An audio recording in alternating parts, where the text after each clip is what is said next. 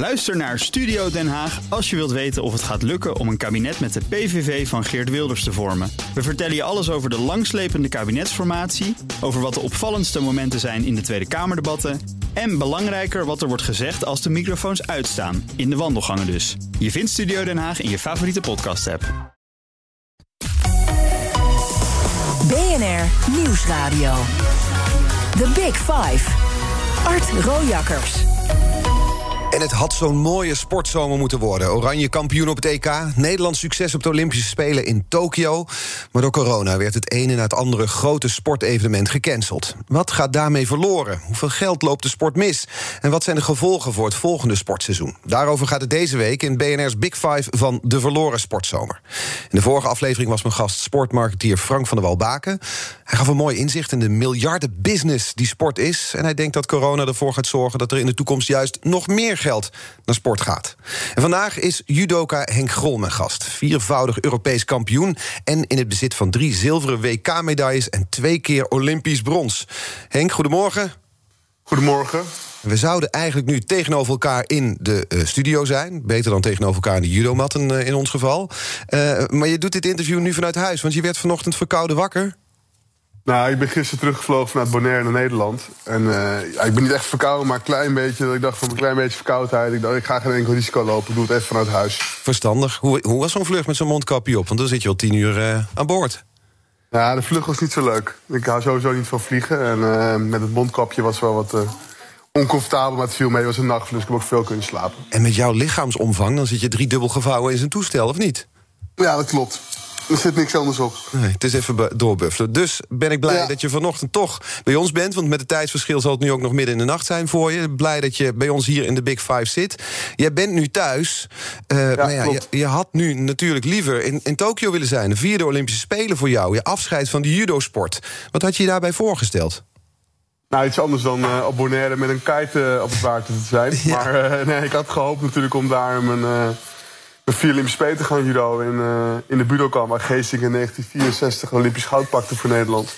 Ja, dus wat dat betreft was het was een symbolische plek. Het was ook de vierde keer, dat is natuurlijk ook niet niks. Dus het, het, het had eigenlijk een, een hoogtepunt, een klapstuk... een climax van jouw carrière moeten zijn.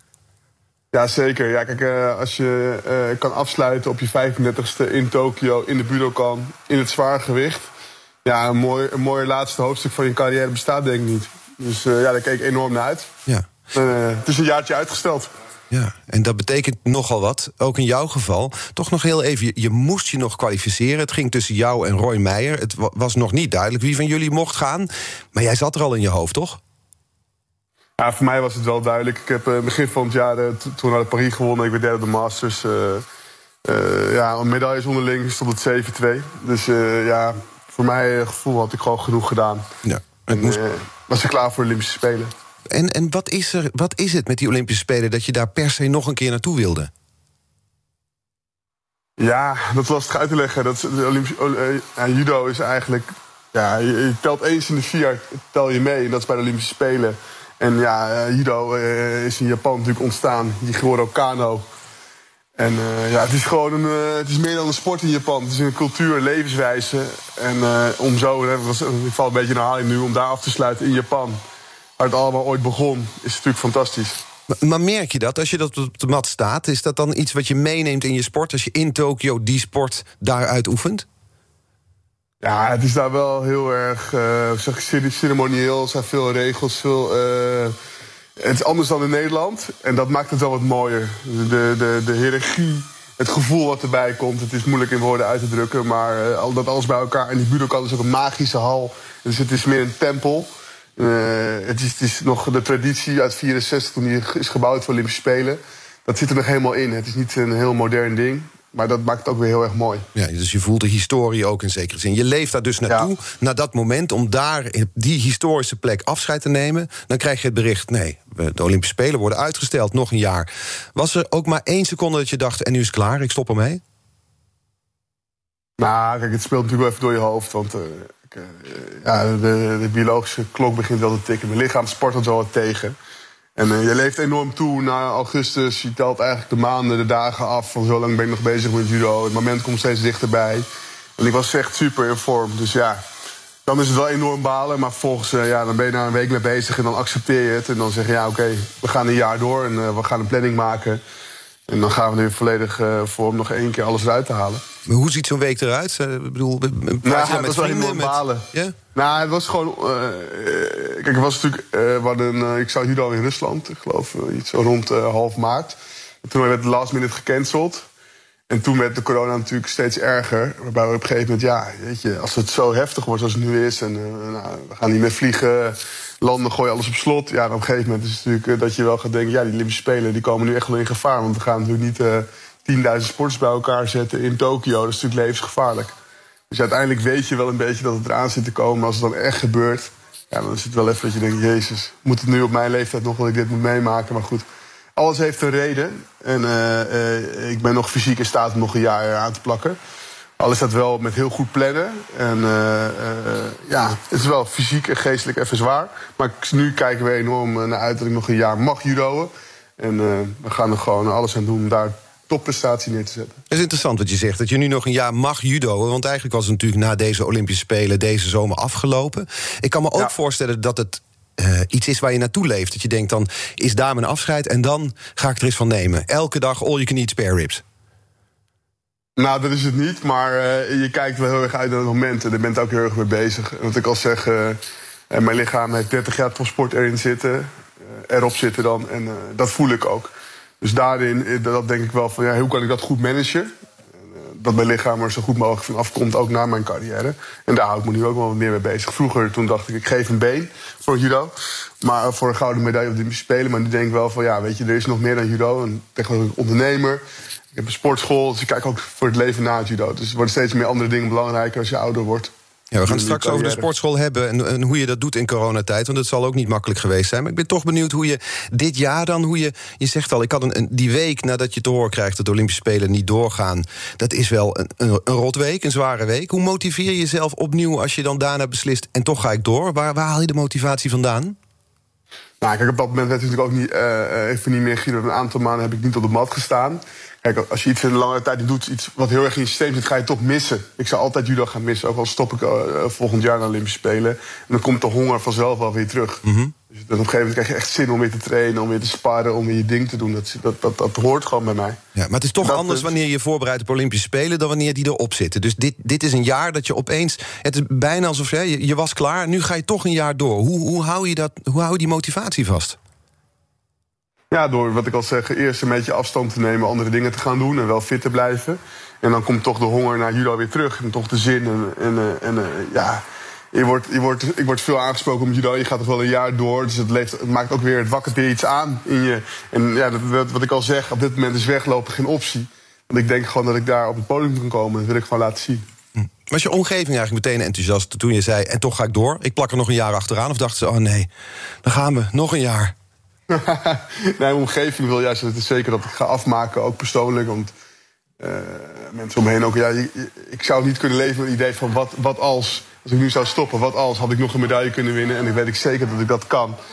En als ik nu zou stoppen, dan, dan leef je met het gevoel uh, je leven lang. Dat, dat kan ik nooit verdragen. Eigenlijk is het misschien het, dan. Je moet het aangaan. Ja, je moet het aangaan, maar misschien is het stiekem ook wel leuk of fijn dat je nog wat langer door kan. Jij leeft zo voor je sport. Uh, ja, ene kant wel. Andere kant uh, ja, is het ook even gewoon even doorbijten. Hè? Voor iedereen is het hetzelfde. Hè? Het is een teleurstelling. Omdat je ergens op voorbereidt. Dat kan je nu niet doen. En, uh, maar goed. Ja, we moeten maar het beste van maken. Hè? Ja, het zal moeten. Ja, die ja. knop moet om. Dat heb je natuurlijk al eerder gedaan. Na de Olympische Spelen in 2016 in Rio zei hij uh, letterlijk: het tijdperk Grol is voorbij. Je lichaam was op. Je wilde stoppen. Je zat er doorheen. Hoe, hoe diep zat je toen? Ja, toen zat ik er heel diep doorheen op dat moment. Ik heb mijn uh, sportcarrière heel intens beleefd. Ik, uh, een beetje, ik, gaf, ik vierde eigenlijk geen verjaardag, geen feestdagen. Het was maar één ding, dat was trainen, eten en slapen. Zes dagen per week. En ik trainde 12 tot 15 keer per week. En ik, uh, ik gunde mezelf werkelijk geen enkele vorm van ontspanning. Dus dat, dat had wel zijn tol geëist. En ik moest er gewoon even uit. Ik moest een schaduwoperatie ondergaan. En ik had gewoon even voor het eerst in mijn leven afstand nodig van de sport. Wat ik nooit had kunnen bedenken hoor. Want ik, ik, ik was judo, ik leefde voor judo en ik wilde het nooit anders. Maar toen was het even op en uh, ben ik een tijd eruit geweest. Zes tot acht maanden uiteindelijk. Voordat ik echt weer behoefte had om te trainen. En toen kwam het ook echt wel weer terug. Mm -hmm. Toen wilde ik graag een nieuwe uitdaging. Dacht, nou, dan ga ik naar het zwaargewicht. Ik woog toen 118 kilo. Toen ik weer begon, dacht ik, nou, dat is prima. Op een gegeven moment ging ik wel weer wat afvallen, omdat ik weer harder ging trainen. En natuurlijk in mijn achterhoofd van Geesing 64, Olympische Spelen in Tokio. Alles bij elkaar. Het hele, een heel mooi verhaal. Mensen ook van je zei, dat is je ultieme afsluiting van jouw carrière. Dan kan je ook je boek dicht doen, dan heb je alles gedaan. En wat er ook daar gebeurt, dan heb je een mooie carrière gehad. Ja. En zo ging het vuurtje weer branden. Ja, ja, zeker. The Big Five. Art Rojakkers. Eh, Deze week vijf kopstukken uit de sportwereld in de Big Five van de verloren sportzomer. En vandaag mijn gast judoka Henk Grol. Ja, Henk, we hadden het over die Olympische Spelen in, in Rio, waarna je eh, echt diep zat. Eh, je verloor daar in de derde ronde van een Fransman die je al volgens mij acht keer had verslagen, zo'n beetje. Ja. Ja, en, en, en daarna zei je in verschillende interviews: Ik wil niet meer leven als een, als een monnik. Je had het net al over dat, dat leven, hoe het eruit zag. Die, die- dat leven voor het judo. Was dat zwaar? Of had je dat niet door toen je erin zat? Nou, ten eerste leef ik niet in de steenkolenmijn, dus zwaar is maar een. eh, wil ik het niet noemen. Nee. Maar eh, ja, ik, ik, ik, ik, maakte het zelf heel erg zwaar. Ten eerste, ik trainde wel heel hard en ik deed wel te veel. Dus ik, was wat continu in overbelasting. En ik gunde mijzelf naast judo eigenlijk werkelijk niks, omdat ik dacht dat dat zeg maar mijn prestaties zou schaden. Dus dat, dat was eigenlijk iets waar ik in totaal doorsloeg. Ja, elk taartje dat je at of dat je had willen eten, dan dacht je van, da- daar ga ik misschien slechter door judoën. Nou, dat, dat niet zozeer, want ik, ik kon in die tijd wel 6, 7, 8000 calorieën per dag eten, omdat ik eh 4, 5 uur per dag trainde. Ja. Dus dat was, niet zo, dat was niet het probleem. Alleen het probleem was dat ik geen ontspanning eh, ergens in kon vinden. En alleen maar bezig was met winnen. En dat sloeg volledig door. En uh, uit zich ook in slecht slapen en allerlei dingen die daarbij horen. Waardoor je eigenlijk het leven niet meer leuk gaat vinden. Alleen bezig bent met met een obsessie. En niet meer met plezier, wat ik ook heel erg eigenlijk heb in trainen en wedstrijden doen. Had ik op dat moment totaal niet meer. Was judo een vlucht voor jou? Ehm, nou, weet ik niet of ik dat zo moet benoemen. Maar het is meer iets dat ik wil graag iets in mijn leven bereiken. En dat was door middel van ik wilde absoluut de beste van de wereld worden. Dat heb ik heel lang gezegd. En nu besef ik van ja, weet je, de weg ergens naartoe is ook heel mooi. En daar moet ik ook van genieten. Dat probeer ik nu te doen. Kijk, uiteindelijk is, is, het, is het een examen. Voor wat je, als je alles goed doet, dan kom je op het podium. En als het gewoon goed gaat, dan win ik die gouden medaille. Maar als het dan net niet lukt, dan moet je jezelf niet alle plezier gaan ontnemen. Dat heb ik wel gedaan. Hoe, kom je, hoe ben je tot het inzicht gekomen? Dat, eh, bijna die boeddhistische uitspraak, de weg ernaartoe is minstens net zo belangrijk. Waar, waar, waar heb je dat opgedaan? Nou, opgedaan. Dat is gewoon doordat je uiteindelijk gaat beseffen. Door, eh, toen in 2016 ben ik er zes tot acht maanden uit geweest. Eh, dan ga je toch nadenken. Hè, wat wil ik, wat kan ik in mijn leven en wat vind ik nou leuk. En op een gegeven moment ging ik toch dat, dat regi- trainingsregime wel missen. Ik ging het missen om de, de, strijd van man tegen man, wat judo toch met zich meebrengt. En ook de mentale aspect wat daarbij zit en alles wat er om me heen hoort, vind ik ook wel heel leuk. Met een team werken en hè, een prestatie neerzetten. En dat ging ik gewoon missen. Ik dacht van ja, dat kan ik nu nog één keer doen. Dat is de komende vier jaar en dan is het gewoon klaar. Nou, nu dat de komende vijf jaar is dat geworden. Maar dat was op dat moment, ga je, dat, ga je daarover nadenken. En ik zat, ik, ik zat echt in een rollercoaster en daar kwam ik zelf niet meer uit. Dus ik moest op dat moment gewoon even een aantal maanden eruit... om alles weer gewoon op een rijtje te krijgen. En te beseffen dat ik het echt heel leuk vind. Om, hè, dat ik het voorrecht heb om te kunnen sporten. Om de, het plezier in de sport terug te vinden. Ja, dat ook. Ja. En is er dan iemand die je daarbij helpt? Of doe je dat zelf? Is dat dan puur door het afstand nemen? Ja, nee, ik heb zeker mensen om me heen waar ik eh, mee kan sparren, hè, die me een spiegel voorhouden. Maar uiteindelijk moet je dat wel zelf doen. Want ik was, ik, het zat, dat winnen en dat iets willen bereiken zit heel diep. Dat kan ik niet zomaar uitschakelen. Dus daar- was echt wel tijd voor nodig. Waar kwam dat vandaan, die, die absolute wil om te winnen? Ja, dat is heel lastig. Ja, ik, ben, ik kom eigenlijk uit een, uit een, uit een, uit een- nou, een goed gezin waar eigenlijk alles was. Mijn vader is ondernemer. Hij heeft ook wel heel hard gewerkt voor zijn zaak. Maar eh, ik heb daar, daarom ook, ben ik niks tekort gekomen. Alleen is wel altijd meegegeven, als je iets wil, moet je er heel hard voor werken. Maar ik ben nooit gepusht. Dus dat op zich weet ik het niet. Het is gewoon iets wat ik genetisch dus blijkbaar in me, in me heb. Wat ik eh, zelf heb ontwikkeld ergens. Ja, ja. Nee, dat hebben natuurlijk veel meer topsporters. Ik bedoel, je hebt waarschijnlijk de documentaire serie van Michael Jordan ook gezien. Ja, Dus het ook fantastisch. diep in zijn DNA. Het zal herkenbaar geweest zijn voor jou waarschijnlijk. Ja, nee, prachtig. Dat is echt een van de weinige sportdocumentaires die ik echt heel goed vond. Waar je ook echt vuur van krijgt. Als je naar kijkt, dan denk je, ja, nu wil ik weer trainen. En een aantal mensen waar, eh, eh, waar ik naar gekeken heb in mijn carrière... die andere topsporters, denk je, ja, daar krijg ik ook echt energie van. En dit was er wel één van. Ja. Maar toch, die, dat trainingsregime, dat 30 jaar lang zei je al... ik gaf alles voor mijn sport. Ik zou een been hebben gegeven voor een gouden medaille. Altijd maar trainen, altijd bezig zijn met je, met je voedsel. Het, het was je leven, je, je, je deed er alles voor. Het kostte zelfs je relatie. Na 14 jaar hield je relatie op na die Spelen in, in Rio. Als je terugblikt op de Henk Gol van toen... is dat het allemaal waard geweest? Oh ja, ja. Nou, op die manier had ik had het, ik had eigenlijk iets anders moeten doen. Maar dat harde trainen, eh, heel veel mensen zeggen dat ik mezelf overbelast, daardoor veel blessures heb gekregen. Maar ik denk dat de blessures niet komen door overbelasting, maar komen door mentaal niet oké zijn. En jezelf daar, uh, daar overbelast zijn. Dus de ontspanning is, is voor mij heel belangrijk. Dus ja, daarom doe ik dingen zoals kitesurfen en andere dingen, waardoor ik hè, een soort van open blik krijg en uh, iets anders heb uh, dan alleen judo. En dat, dat werkt nu heel goed. En ik train nu gewoon wat minder, omdat ik gewoon, ja, ik ben 35. Ik kan gewoon absoluut niet meer de uren maken die ik vroeger maakte. En hoeft ook niet meer, want alle uren zitten wel in mijn lichaam. En dat maakt het nu ook een stuk aangenamer. Ja. Ik, ik las ook ergens dat je zei eh, dat minder trainen, dat je lichaam je een stuk dierbaarder is geworden. Ja, nee, kijk, ik, hou van sport. Sport zit in mijn DNA. En als ik uh, uh, te ver mijn lichaam ga pushen, dan, hè, dan zit er iets, uh, zit ook een, een tax aan mijn lichaam. Stel voor dat je half invalide raakt doordat je gewoon je lichaam niet meer kan. Dat is wel een angst wat ik nu bij me draag van luister. Ik vind het ook heel leuk om nog te gaan snowboarden, kitesurfen, voetballen, fietsen, rennen. Ik, vind, ik hou van sport. En dat is ook belangrijk, want ik wil de rest van mijn leven niet in een rolstoel gaan zitten omdat ik me zo ver heb gepusht. Ja, en, en dat was wellicht wel gebeurd als je op die manier door was gegaan. Nou ja, goed. Ik, ik was wel mijn lichaam uh, tot, tot het uiterste aan het drijven. Ik weet niet of het zover is, maar ik heb wel ook um, collega's om me heen die er heel slecht van af zijn gekomen na een uh, judo-carrière. Ja, want het vergt nogal wat, hè? Ja, het is een zware contactsport. En uh, daar komen heel veel blessures bij. En die worden vaak niet, laten we, we vaak niet goed herstellen. Waardoor je dat blijvende schade oplevert. Ja. Nou, nou, heb ik je een paar keer horen zeggen dat je aan je lichaam voelt dat je wat, wat ouder bent geworden. Wat voel je dan? Zeg maar fysiek merk je dat, dat je s ochtends uit bed komt en dat je wat strammer bent? Merk je, waar, waar merk je het aan? Ja, ik heb wel wat klachten opgedaan. Blessures die niet meer herstellen. En als ik echt heel hard train, dan ben ik wel wat koortsig s'nachts. Dan slaap ik slecht. Dat had ik vroeger nooit. Dus dat zijn wel dingen waarin, ja, waarin je voelt dat je lichaam gewoon wel wat uh, ouder aan het worden is. Ja, maar dat is eigenlijk om de training heen. Of merk je het ook op de judomat zelf? Uh, nou, als ik goed opgewarmd ben, dan gaat het wel heel goed. Dan is het op zich wel prima. Alleen ja, ik kan niet weer twee keer op een dag mezelf helemaal leeg trekken, wat ik vroeger wel kon. Dus dat, dat gaat dus niet meer. Dus ik moet echt doseren. Ja, ja. Je, je hebt jarenlang, zei je, als een monnik moeten leven. Je moest ook op je gewicht letten, want je zat een, een gewichtsklasse ja. uh, lager. Dat, dat heb je dus laten gaan uh, naar, naar Rio. Je bent nu in de categorie zwaargewichten terechtgekomen. Waarom, ja. waarom gebeurde dat? Waarom die keuze?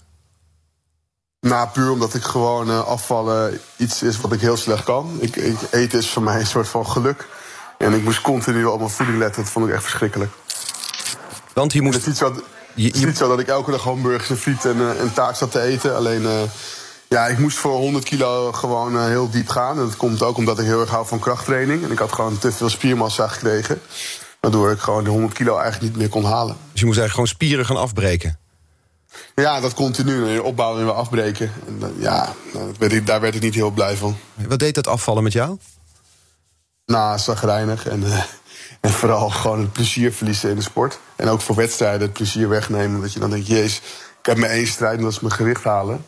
En als ik dat gehaald had, dan was ik eigenlijk al helemaal opgebrand. Dan had ik al heel, uh, veel minder zin om nog te judo. Ja, want je hoort wel eens van, van sporters, ook van vechtsporters... dat ze dan ongeveer met een regenpak aan in een sauna gaan zitten... om die laatste kilo's maar kwijt te raken. Was het bij jou ook zo? Ja, ja zeker. Vochtmanipulatie, ja. Sauna, bad, zweetpak, al die dingen heb ik ook gedaan. Ja, vreselijk. Ja, en als je jong bent, dan is dat iets wat, wat erbij hoort. En als je ouder wordt, dan heb je daar op een gegeven moment gewoon geen zin meer in. Nee. Denk je, ja, weet je, dit, dit, dit, dit, deeltje van mijn sport wil ik gewoon niet meer. Dat is iets wat ik niet meer wil. En dat kon ik, kon ik natuurlijk voorkomen door uh, naar het zwaargewicht te gaan. En ook dan met het geestingverhaal erbij en alles bij elkaar was het voor mij gewoon een goede set. Ja, maar nu sta je wel tegen, ik, ik hoorde je zeggen, flatgebouwen met een buikje. Moet je ongeveer tegen uitkomen, zo groot zijn die gasten. Ja, er zijn een aantal uh, mannen bij die uh, 180 kilo wegen. Ja? In die richting. Dus ja, dat zijn wel enorme flatgebouwen. Die trek je niet zomaar omver? Nee, maar ik kan, uh, ik kan er wel van winnen. Ja? Het goed doe. Ja, op snelheid? Zeker. Snelheid, maar ook op kracht. Ik ben, doe qua kracht niet veel onder voor die hele zware jongens. Alleen ze hebben wel een stuk meer massa, dus daar moet ik wel rekening mee houden. uiteindelijk, uh, Tyson zegt altijd speed kills. Hè, dus als je maar genoeg beweegt. En uh, als die hele zware man heel veel moet bewegen, wordt hij heel erg moe. Nou ja, daar moet ik eigenlijk mijn, uh, mijn winst halen. Nou, nou, klink je ook, je klinkt als een man die de balans heeft opgemaakt. Hè? De, de, Henk Grol van tien jaar geleden was dag in dag uit aan het trainen... viel af wanneer het moest, had misschien weinig plezier in de sport... of minder plezier in de sport, maar deed er alles voor om maar te winnen. En ik hoor je nu zeggen, ja, op een heleboel manieren kijk je er anders naar. Je bent minder monomaan met je sport bezig, minder megalomaan misschien zelfs wel. Uh, ja, ik, betekent dat ook dat je misschien mentaal sterker bent? Nou, ik ben wel rustiger geworden. Dus maar ik ben nog steeds denk ik heel graag wil winnen. Dus dat mensen moeten niet denken dat ik daarvan wegloop. Alleen probeer mezelf rustig te houden. Dat lukt niet altijd. Op de training kan ik nog steeds uh, door, door het vuur gaan als het niet lukt wat ik wil. Of ik kan even niet winnen. Want een training voor mij is ook gewoon een soort van wedstrijd. Dat is mijn hele leven al. Dat ik heb nog steeds valkuilen, maar ik weet wel wanneer het komt. En probeer er wel alles aan te doen om daar niet in, uh, in te vallen. Maar welke valkuilen heb je toch steeds mee te maken? Nou ja, doorslaan met hard trainen. En, dat moet af en, toe, uh, af en toe moet ik op de handrem. En een keer een dag die trainen smaak ik heel erg goed. Dat kon ik vroeger absoluut niet. Dan sliep ik niet. En nu kan ik het af en toe wel. Nu hebben we het natuurlijk over die Olympische Spelen waar we naartoe werken in uh, 2021. Laten we het hopen dat het dan uh, doorgaat.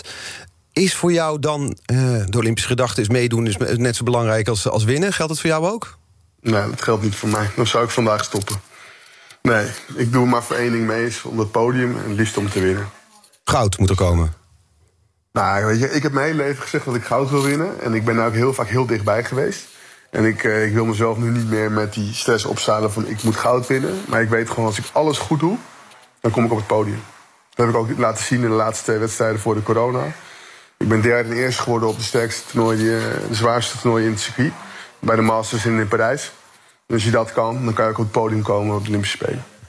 Er is natuurlijk, hè, binnen de sport... Ja, ik ga toch een nachtmerriescenario met je even aflopen. Er is een kans dat de Olympische Spelen niet doorgaan. Daar kan het misgaan. Er is een kans dat op de een of andere manier niet jij... maar toch Roy Meijer gaat. Daar kan het misgaan. Het kan zijn dat jij wel naar de Olympische Spelen gaat... Dat, dat gaat niet gebeuren, hoor. Die, wat jij uh, met Roy Meijer, dat gaat echt niet gebeuren. Jij gaat, punt. Ja, maar het is ook gebleken uit de resultaten. Ja. ja maar de, de, derde optie waarin het mis kan gaan... is dat jij wel naar de Olympische Spelen gaat... maar dat je daar op de een of andere manier dat podium niet bereikt. Dus er zijn zoveel mogelijkheden waarin het niet lukt, Henk. En dan? Ja, maar ik kan, ik kan ook morgen doodgaan. Maar ik kan ook... Garantie heb ik niet. Geen verzekering. Topsport is geen verzekering. Dus ja, als je dat wil, dan moet je niet aan topsport doen. Nee. Maar juist, ik kan me voorstellen, daar ben ik nou op zoek. Dat je, leeft toen naar deze zomer. Daar ben je jaren mee bezig met 2020. En nu dat jaar uitstel, we hadden het al eerder over... waar haal je de motivatie vandaan? Er zijn nogal wat beren op de weg. Ja, die beren zijn er altijd. Maar ik weet gewoon, als ik mijn huiswerk goed doe... dat er gewoon... Het enige waar ik geen invloed op heb... is dat de spelen wel of niet doorgaan. Op een vak zelf, medicatie voor corona... heb ik geen invloed, kan ik niks aan doen. Maar op die andere dingen heb ik wel invloed. Ben je bijvoorbeeld bang, want je, je zat in een vliegtuig... ben je bang om zelf corona op te lopen? Nee.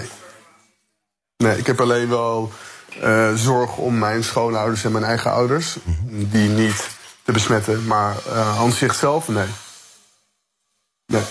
Ik ben sowieso niet heel bang aangelegd. Angst is altijd een slechte raadgever. En ik, uh, ik ben wel voorzichtig, maar ik ben niet bang.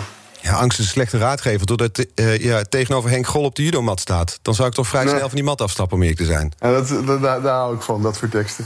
ja, goed, uh, Henk, we gaan het zo meteen met je hebben over de sportschool... die je uh, hebt geopend, vrij recent... en die dan meteen de deuren dicht moest houden vanwege corona. Um, want mijn gast nu in BNR's Big Five van de verloren sportzomer... is judoka Henk Gol. Hij is niet alleen sport, sporter zelf, maar dus ook ondernemer. En hoe gaat het met die sportschool in coronatijd? Dat bespreken we zo. BNR Nieuwsradio. The Big Five. Art Rojakkers. Welkom bij het tweede half uur van BNR's Big Five. Deze week vijf kopstukken uit de sportwereld... in de Big Five van de verloren sportzomer. Vandaag mijn gast judoka Henk Grol. Uh, samen met anderen heb jij een sportschool, uh, Henk. Uh, Klopt. Sinds wanneer ook alweer? Juni ja. 2019. Ja, en toen kwam minder dan een jaar later corona voorbij... en moesten jullie dicht. Ja, 16 maart. Toen moesten we dicht. Ja, dat is heftig. En uh, lastig. Maar goed, we zijn er doorheen en we kijken weer vooruit. Ja. Wat was er heftig aan? Nou ja, kijk, we komen uit een faillissement. En uh, we hebben wat leden overgenomen van de oude eigenaar. Alleen uh, we waren heel hard aan het groeien. En uh, omzet hadden we ook nodig.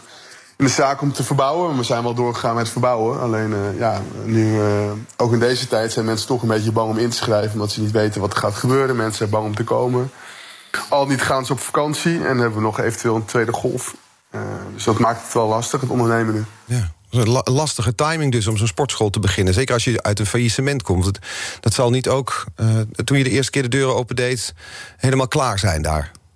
Nee, nee, het was een gedateerde sportschool. En uh, dat is inmiddels weer heel erg mooi geworden. Dus daar hebben we heel veel gedaan. Ook heel veel met eigen handen.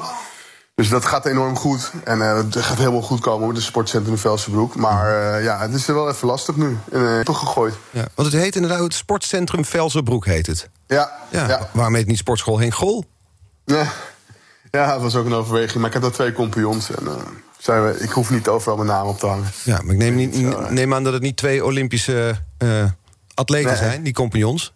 Nee, nee, het zijn wel topsporters, ex-topsporters. Uh, dus ze hebben wel echt iets met sport en ze zijn allemaal even oud. We komen allemaal, we kunnen al drie goed judoën, dus dat is ook wel leuk. Ja, maar ik kom toch af op sportschool Henk Gol en niet op sportschool Velsenbroek. Ja, dat is misschien een overweging. Misschien voor de toekomst kunnen we een naamsverandering doen. Ja, Wie weet. Dan zet eronder met dank aan Art Rooijakkers. Dan, dan ja, dat, gaan, okay. we, gaan, me gaan, gaan, hebben. we, gaan we zeker doen. Ja. Hoe groot was de financiële klap door corona voor jullie? Uh, nou, kijk, het, het, grote probleem was dat een aantal ketens, grote ketens, die natuurlijk uh, gewoon private, uh, private equity achter zich hebben, die gewoon gaan herfinancieren. Dus wat ze deden, ze, ze gingen abonnementen bevriezen. Waardoor ze niet meer gingen incasseren. En dat, dat is wel een probleem voor een startende ondernemer waar de, we een hooghuur, uh, lease, uh, leasecontracten, energie, een zwembad dat we niet uit konden zetten. Dus onze kosten zijn enorm. Dus daarom werden wij genoodzaakt om te overleven, om wel door te incasseren. En gelukkig een groot deel, groot deel van ons ledenbestand vond het ook prima. En die hebben gecompenseerd met allerlei regelingen om die een beetje tegemoet te komen. En zo zijn we door de crisis gekomen. Ja. Vonden ze het prima of was het zo dat ze anders drie topsporters, drie judokas achter zich aan kregen als ze de abonnementsgeld niet betaalden? Nee, nee, zeker niet. Ook een aantal uh, was er niet mee eens. Daar hebben we gewoon een, uh, die konden contact met ons opnemen. You made them an offer they couldn't, couldn't refuse? ja, zoiets. Maar dan uh, werd er gewoon, kon ze gewoon stoneren. Dus uh, was helemaal, voor iedereen was er een oplossing. En iedereen, uh, als iemand zijn baan kwijt, begrijp ik dat je op dat moment niet je abonnement wil betalen of kan betalen. Dus dat, dat vonden wij heel redelijk. We zijn eigenlijk met iedereen het gesprek aangegaan. En zo zijn we eigenlijk door de crisis gekomen. Hebben jullie aanspraak moeten maken op, of kunnen maken op overheidssteun? Ja, we hebben een nauwregeling gehad. En over wat voor ja. bedragen hebben we het dan als het over een sportschool gaat? Uh, de exacte bedragen moet ik je nu even nalaten. Dat weet ik niet uit mijn hoofd precies. Maar uh, uh, ja, zeker wel geld dat wij heel hard konden gebruiken. Ja, ja. want het, het ja. is natuurlijk, je, je bent een, een, topsporter. Je denkt dan na over wat ga ik doen na mijn carrière. Nou, dan open je een, een sportcentrum. Dan komt corona er overheen. Ik kan me voorstellen dat je dan denkt, van, ja, dan komt dit er ook nog bij. Ja, nee, zeker. En er was echt wel zweten. Vanaf het begin dat ik die sportschool heb geopend... eigenlijk met twee uh, kennissen van mij... die eigenlijk heel succesvol zijn in de, in de fitnessbranche. Dus ik ging wel mensen in zee die heel veel kennis hadden. En uh, laat ik vooropstellen dat ik zou gewoon judo... en ik zou daar 8 tot 15 uur per week zijn... om te gaan leren hoe ik zou moeten ondernemen. Hè? Gewoon leren om een maatschappelijke carrière op te bouwen. En dat was eigenlijk de bedoeling. En het werd natuurlijk anders. Door die corona werd het toch wel even zweten. En jezus, hoe nu? En je hebt daarvoor wat je eigen geld erin gestopt, wat geld geleend. En dan word je toch, dan word je toch een beetje zenuwachtig.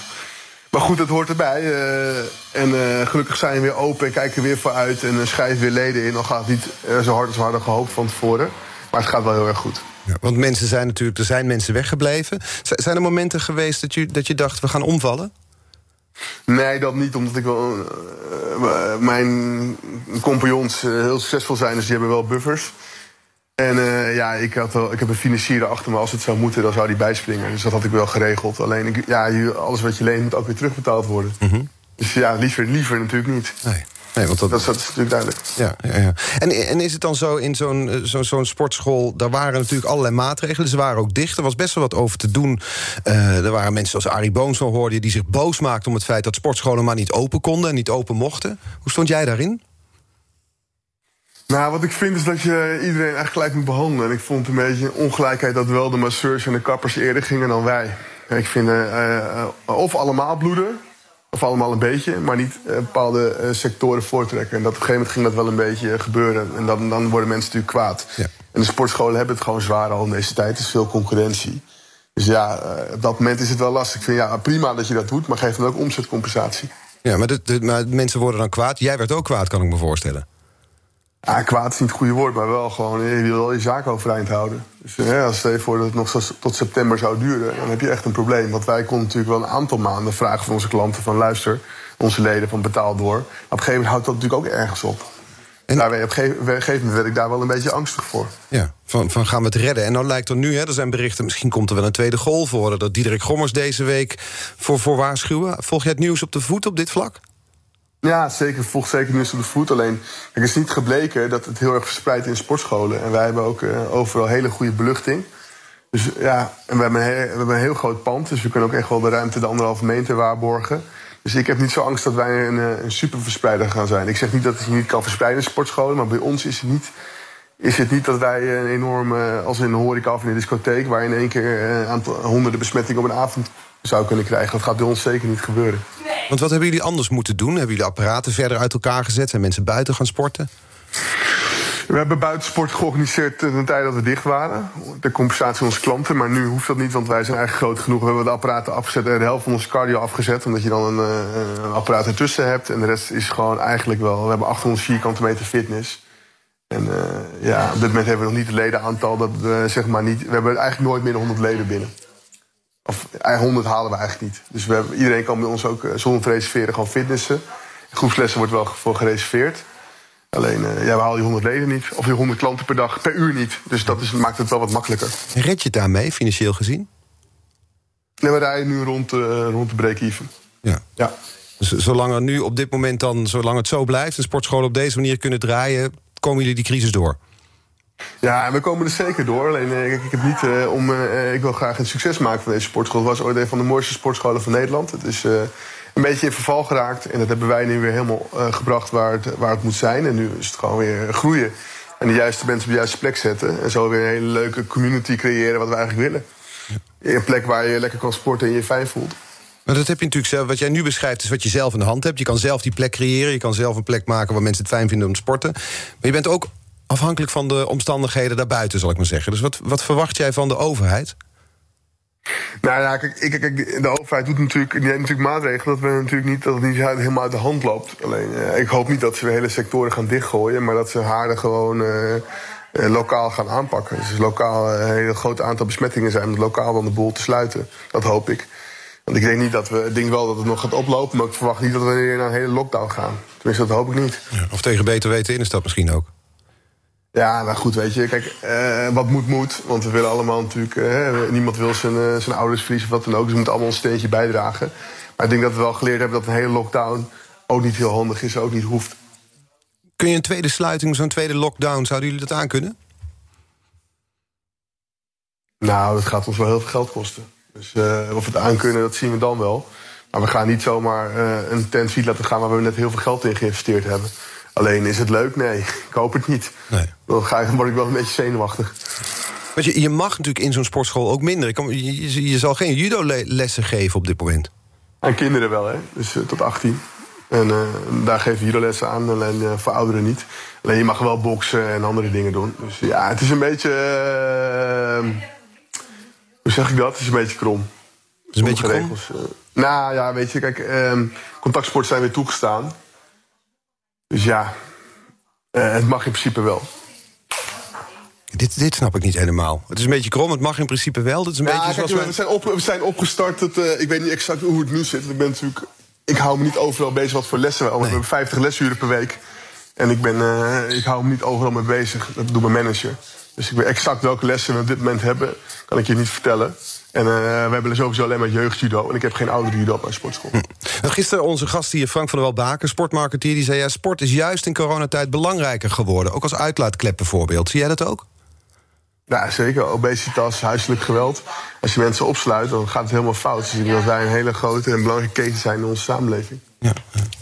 Wat heb je eigenlijk... Je, je stapt in zo'n sportschool met het idee... ik wil gaan, uh, ja, ook uh, mijn, mijn carrière een, een tweede, een tweede ja, kans... Nee, tweede kans, ik zeg het verkeerd... maar ik wil een maatschappelijke carrière opbouwen. Wat, en je wilde het ondernemen gaan leren. Wat heb je tot nu toe geleerd van het ondernemerschap? Nou, sowieso crisismanagement. Omgaan met geld, rekeningen vooruitschuiven. Ja. Eh, omgaan eh, met personeel, eh, contracten. Eh, hoe je je salarishuishouding regelt in de sportschool dat niet uit de pan loopt, eh, uit de pan stijgt. Al dat soort dingen, eh, ja, je gaat eigenlijk loop je overal mee. Je, wordt gewoon, eh, je springt eigenlijk van de kliffen. Dus je moet eigenlijk heel snel overal kennis eh, eh, van krijgen om ergens eh, over mee te kunnen beslissen. En dat is soms best lastig en ook best wel angstig. En ik heb gelukkig goede mensen om me heen waar ik af en toe mee kan sparren. Als ik het even niet weet of even niet begrijp. Ja. Maar als er nou ooit een moment was waarin het moeilijk was om in te stappen, dan was het nu dus wel. Ja, zeker. Maar ondernemen is nooit makkelijk. Geld verdienen is altijd moeilijker dan je denkt. En ehm, alleen, het is voor mij een. eh, eh, ik, vind, ik heb nog steeds geen enkele spijt van. Ik vind het heel leuk om te doen. En eh, iets nieuws, dat, dat maak je ook weer. zeg maar, dan, weer ik leer gewoon heel veel voor de toekomst. Ik heb natuurlijk heel erg gesloten leven geleid. Met, met de topsport en nu ook maatschappelijk. Alle dingen wat ik net opnoemde. Dus ik leer, het is voor mij gewoon een versnelde opleiding. Ja. Het is niet makkelijk om geld te verdienen, zei je. Wat is eigenlijk makkelijker, een Olympische medaille winnen of dit? Nou, daar heb ik ook heel, heel hard en heel lang mijn best voor moeten doen. Ja. Alleen als topsport heb je één hele slechte eigenschap. Is dat morgen alles geregeld moet zijn. En zo werkt het natuurlijk niet. Niet bij topsport, ook niet bij ondernemen. Nee, dat is dan toch, je moet iets meer geduld hebben. BNR Nieuwsradio. The Big Five. Art Rojakkers. Je luistert naar BNR's Big Five van de verloren sportschomer. Vandaag mijn eh, gast judoka Henk Grol. Eh, Henk, we hadden het al over judo in de sportschool. Dat het dan bij jongeren wel mag, bij volwassenen niet. Wat betekent corona eigenlijk voor judo voor jou? Voor de, de topsportvariant van judo, zal ik maar zeggen. Nou, op dit moment ligt uh, Papendal helemaal stil door een coronageval. Dus ik ben terug van vakantie en ik mag wederom niet judo. Dus dat is heel vervelend. Ja, dat lijkt me frustrerend. Ja, zeker. En dat brengt ook wel eh, zeker eh, ja, je hele ritme weer in de war. Hè? Dus, dus, dus ook gewoon voor de komende tijd, er gaan er ongetwijfeld meer gevallen komen. Dus het wordt waarschijnlijk wel een aantal keren gesloten. Ik verwacht niet dat we het helemaal, dat we het helemaal weg kunnen houden uit Papendal. Nee, want in Papendal er is inderdaad één judoka. We weten niet wie, maar, of tenminste jij misschien wel... maar die wordt niet bekendgemaakt. Eén judoka Nee. met corona. Jij bent het niet? Nee, ik ben het niet. Nee. En daardoor is nu gezegd, we, we leggen de boel stil. Er wordt nu niet getraind. Hoe lang gaat dat duren? Ja, tot 20 augustus zijn zelfs twee gevallen op dit moment. Twee gevallen? Dus, eh, ja.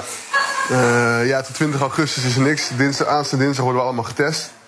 Alleen ik ben de laatste twee weken op Bonaire geweest. Dus daar waren helemaal geen gevallen. Maar ik ga, me, ga mezelf wel laten testen. Ja. Het zou voor jou wel een boel Ja. oplossen als jouw concurrent Roy Meijer eh, corona krijgt. Nou, we het gewoon oplossen op de mat. Niet eh, met, eh, met zoiets. Nee, dat is ook beter inderdaad. Maar, dus jullie hadden al een hele poos, hebben jullie niet kunnen trainen. Eh, dat was toen vanwege de maatregelen vanwege corona. Heb je daar begrip voor gehad destijds? Nee, ik vond uiteindelijk vind ik dat we dat als Nederland slecht gedaan hebben. Ik, ik had het, laat ik het zo zeggen, ik denk Papendal een heel mooi centrum is met een grote slagboom voor. Zet alle sporters intern naar. Doe de slagboom dicht, test iedereen en laat gewoon topsport doorgaan. Ja, en dat, Dat, dat, was mijn, dat is mijn gedachte. Kijk, de eerste maand begrijp ik nog, want het is natuurlijk 16 maart begonnen. Eh, nou, dan eh, doe je het tot april, maar vanaf mei eh, heel veel landen om ons heen waren al lang weer begonnen. Ik denk, ja, weet je wel, waarom kunnen wij dat niet regelen? We hebben toch genoeg doktoren, het mooiste centrum van Europa, denk ik. Hypermodern. En dan kunnen we niet de faciliteiten organiseren voor onze topsporters. Ik vind het heel raar. ja, wat je zegt, ik vind het heel raar. Ja, ik, vind, ik ben gewoon teleurgesteld over. Denk dat NSC NSF maar één doel had. Ook Maurits Hendricks. Dat was gewoon een topsportprogramma topsport, programma in, in stand houden. Dat is niet gelukt. Nee. En ben je daardoor, heb je daardoor achterstand opgelopen, denk je... ten opzichte van bijvoorbeeld je buitenlandse concurrenten... die wel konden trainen? Nou ja, goed, weet je. ehm, tuurlijk, je loopt achterstand op. En, ik denk dat, dat ik die zelf persoonlijk nog kan inhalen. Maar als je jonger bent, maakt het denk ik heel veel verschil. Dus je heel veel, ik weet gewoon dat, dat ik judo heel goed kan. Dus ik moet alleen maar fit worden voor wedstrijden. Maar er zijn heel veel jongens die natuurlijk nog beter willen worden. En dan is gewoon iedere maand die je mist, is gewoon jammer. Ja. En slecht. Mijn gasten hier in de Big Five stellen elkaar vragen via de kettingvraag. Gisteren was hier sportmarketeer Frank van der Wal Baken. En die had deze vraag voor jou. Terwijl hij had willen pieken deze zomer. Nu moet hij een, jaar gaan uitstellen. En nu ook nog eens, nu de judo-wereld wordt geconfronteerd met een coronageval. en alle eh kernploegtrainingen zijn stopgezet. Nou, dat is voor hem een nachtmerrie. Dus, hoe gaat hij staat uit? hij nou ooit eh, misschien wel eens in een dilemma van: weet je wat, ik ga met een buitenlandse ploeg mee trainen waar ze wel trainen? Dat is, dus mijn vraag. Hoe lost hij dit probleem op? Ja, hoe los je dit probleem op, Frank van der Wa- Baken dit? Wijk je misschien uit naar het buitenland? Ja, het zou kunnen. Alleen die haast heb ik persoonlijk iets minder. Omdat ik gewoon, dat ik, wat ik al zeg, ik kan wel enige tijd zonder judo. En uh, ja, zolang er geen wedstrijden zijn, hou ik mezelf überhaupt heel rustig. En doe ik gewoon fietsen en andere conditietrainingen en krachttraining. Om het op te vangen. Ik blijf gewoon op het basisniveau. Nee, ik hoop niet dat we nu weer een aantal maanden niet kunnen judo. Want dan, wordt het echt wel, uh, dan moet ik echt wel gaan kijken om ergens anders te gaan trainen. Ja, dat zou eventueel een oplossing zijn om in het buitenland uh, ja, te doen. Het zou een aaneenschakeling van periodes kunnen worden natuurlijk de komende maanden... waarin er niet gejudood mag worden. Ja, laten we dat niet hopen, maar het zou kunnen, ja. Is dit een nachtmerrie, zoals Frank van der, Baak, Frank van der Walbaken zegt? Uh, nou, op dit moment vind ik het geen nachtmerrie... omdat ik ook niet weet wanneer de wedstrijden zijn. Dus in dat opzicht hou ik mezelf rustig, want ik weet wat ik kan... en ik weet dat ik niet beter ga worden op mijn leeftijd. Ik weet dat ik uh, heel snel mijn niveau weer uh, op peil kan krijgen. Alleen wat ik al zeg, voor heel veel jonge atleten... als ik naar mezelf kijk, tien jaar geleden... Ja, was ik helemaal gek geworden als ik niet zou kunnen judo. Dus ik, daar, daar heb ik wel echt, ik heb echt medelijden met zoals Frank de Weert en Michael Korrel. Die echt gewoon, die, die, die, die, die zo bezig zijn om kampioen te worden. Dat ben ik zelf ook, alleen ja, ik zit gewoon in een andere fase van mijn carrière. Ja, dus je, je hebt iets meer de rust dan zij. Wordt er op de achtergrond bij jou trouwens verbouwd of niet, in de sportschool?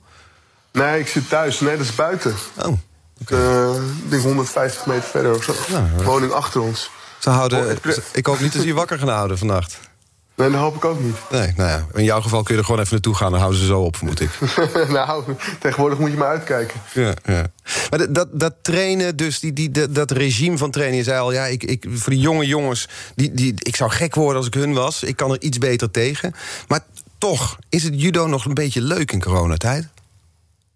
Nee, natuurlijk niet. Al dat gezeik om die regels. En de uh, laatste week was het gelukkig wel aardig normaal. Maar nu is dat natuurlijk weer ja, we weten niet wat er nu weer gaat gebeuren. Zijn natuurlijk, nu gaan ze weer iedereen testen. Maar als er continu gevallen gaan komen, ja, gewoon continu weer op slot. Dan moeten weer mensen twee weken in quarantaine. Ja, dat is natuurlijk een ramp. Ja, gelukkig was ik zelf uh, niet in Nederland, op Bonaire, en waren daar geen gevallen. Hoef ik niet twee weken in quarantaine, maar ik zou er niet heel blij van worden. Wat dat betreft is, ja, ik, wil je niet depressief maken, maar dit jaar is wel een, het is wel een klote jaar voor jou. Nou, het is voor de hele topsport, maar ook voor iedereen, voor ondernemers. Iedereen heeft, voor iedereen is het een klote tijd. De economie gaat slecht. We hebben er allemaal last van. Ja. Alleen topsport. Ja. Maar vind je dat de regels zoals ze er nu zijn, dat ze, dat ze anders moeten? Uh, nee, ik denk dat we dat heel erg goed doen. Uh, en dat we, nee, ik vind dat heel erg goed gaat. Ik vind ook dat de regering ook met uh, alle regelingen dat heel snel heeft geregeld. Als je kijkt naar andere landen, ik denk dat wij heel erg blij mogen zijn dat we in Nederland wonen. Hm.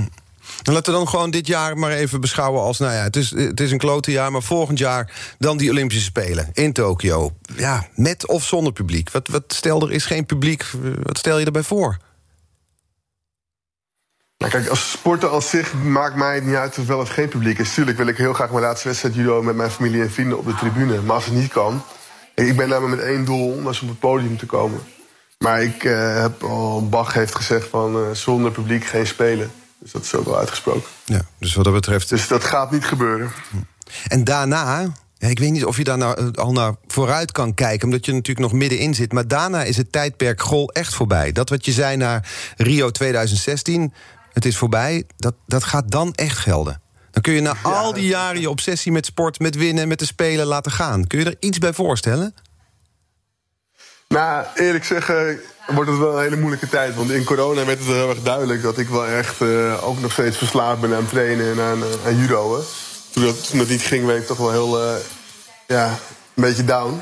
Dus toen merkte ik wel dat sport toch echt wel heel belangrijk voor me is. Dat ik heel goed moet nadenken hoe dat dan mijn carrière ga vormgeven. Dat ik, dat ik wel een gelukkig persoon word. En dat wordt wel lastig. Ja, het zwarte gat. Ja, zeker. En dat is ondernemen. Natuurlijk ga ik werken en heel hard mijn best doen om daar ook uh, succes van te maken.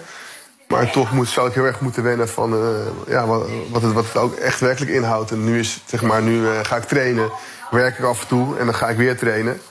En uh, zometeen is het gewoon werken gewoon, wordt gewoon het belangrijkste. En dat is wel lastig. Ja, daarover nadenken. Ja, want je zegt in, in de coronatijd werd ik wel een beetje down. Ja, ja ik voelde me niet heel erg voelde me niet heel erg tof. Dus uh, ik had er echt wel last van. Maar waar merkten de mensen om je heen dat aan? Ja, vooral het zagrijnig ging kort af en uh, ik kon mijn energie niet goed kwijt. Dus dan, uh, ja. Ja, ja dat, dat is toch... Ieder topsporter, als je elke ex-topsporter die je spreekt... heeft echt wel één à twee jaar nodig om te wennen aan een nieuw bestaan. Ja, dat gaat dus gebeuren na 2021. Dan is dus dat trainingsregime en alles wat erbij hoort... kan je aan de kant schuiven? Of hoor ik je eigenlijk misschien tussen de regels zeggen... dat je stiekem toch nog wel een jaar achteraan wil plakken dan? Nee, nee, nee. nee, nee. Het is echt afgelopen? Eh, geen 1%. Nee, absoluut niet. Nee, het is echt klaar. Ja. En kijk je er nou... Mijn lichaam uh, heeft, uh, heeft ook rust nodig. Dat gaat echt niet meer. Ja. Absoluut niet. En zoals je het omschrijft, kijk je er dan naar uit... of zie je er ook wel tegen op? Ik kijk naar uit dat ik zeg maar uh, judo boek dicht kan doen. Maar ik kijk tegenop dat ik naar een nieuwe leven... daar moet ik wel aan gaan wennen. Ja. Ik kijk af en toe wel tegenop. Ja. En dan met name de invulling van de dagen? Ja, en ook weer het gelukkig worden met het nieuwe, uh, nieuwe bestaan. Dat vooral. Dus, het gelukkig worden met het nieuwe bestaan, hoe bedoel je dat? Nou ja, dat je niet meer... Kijk, nu word ik heel erg gelukkig van heel hard trainen. En moe zijn, dat klinkt raar. En uh, het knokken op je training. En dat gaat toch anders zijn. Dus dat gevoel, dat ga ik niet meer krijgen. En zo'n stadion binnenlopen. En die adrenaline, dat gaat niet meer gebeuren. Nee. Dat komt nooit meer terug. Dus daar, ja, daar, dat, dat, daar denk ik wel over na. En wat denk je dan? Nou, dat het wel heel mooi was wat ik heb gedaan.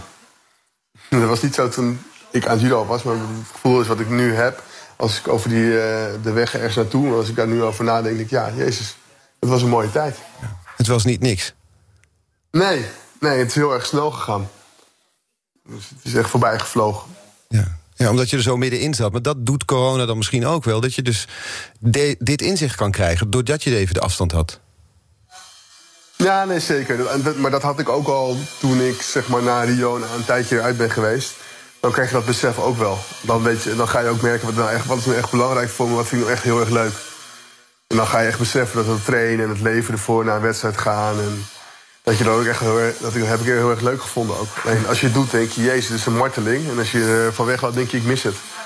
Dat is ook weer een beetje krom. Dat is het dubbele inderdaad. Ja. wij zijn bijna aan het einde van deze uitzending. En die, die kettingvraag die jij kreeg van Frank van der Welbaken... die mag jij gaan stellen aan de volgende gast. Volgende week de Big Five van de Self-Made Men and Women. Met mijn collega Diana Matroos. En de eerste gast van die week is Umberto Tan. Wat zou je hem willen vragen? Uh, ja, hoe Humberto zich in coronatijd heeft fit gehouden. Ik weet dat hij een heel bezige uh, persoon is, ook houdt van trainen. Ik ben heel, heel erg benieuwd hoe hij dat heeft gedaan. Ja. Hoe, heeft hem, hoe is Umberto Tan fit gebleven? We gaan het uh, maandag horen. Ik ga jou veel succes wensen het komende jaar bij al die trainingen. We gaan je volgen tot aan Tokio. Ja, leuk. Dankjewel. Ik ga mijn best doen. Oké. Okay. We rekenen op je. Dankjewel. Judoka Henk Gol uh, voor deze aflevering van de Big Five. En alle afleveringen, dus ook deze, zijn natuurlijk terug te luisteren. De podcast is te vinden in de BNR-app. Ook op bnr.nl uh, natuurlijk. En nu op deze zender Jurgen Rijman met Ask Me Anything over het Marengo-proces. Fijn weekend. Ook Hugo Reitsma vind je in de BNR-app. Superhandig die BNR-app. Je kunt alle programma's live luisteren, breaking nieuwsmeldingen. Je blijft op de hoogte van het laatste zakelijke nieuws. En je vindt er alle BNR-podcasts, waaronder natuurlijk de belangrijkste, Boeken zijn in de wijk. Download nu de gratis BNR-app en blijf scherp.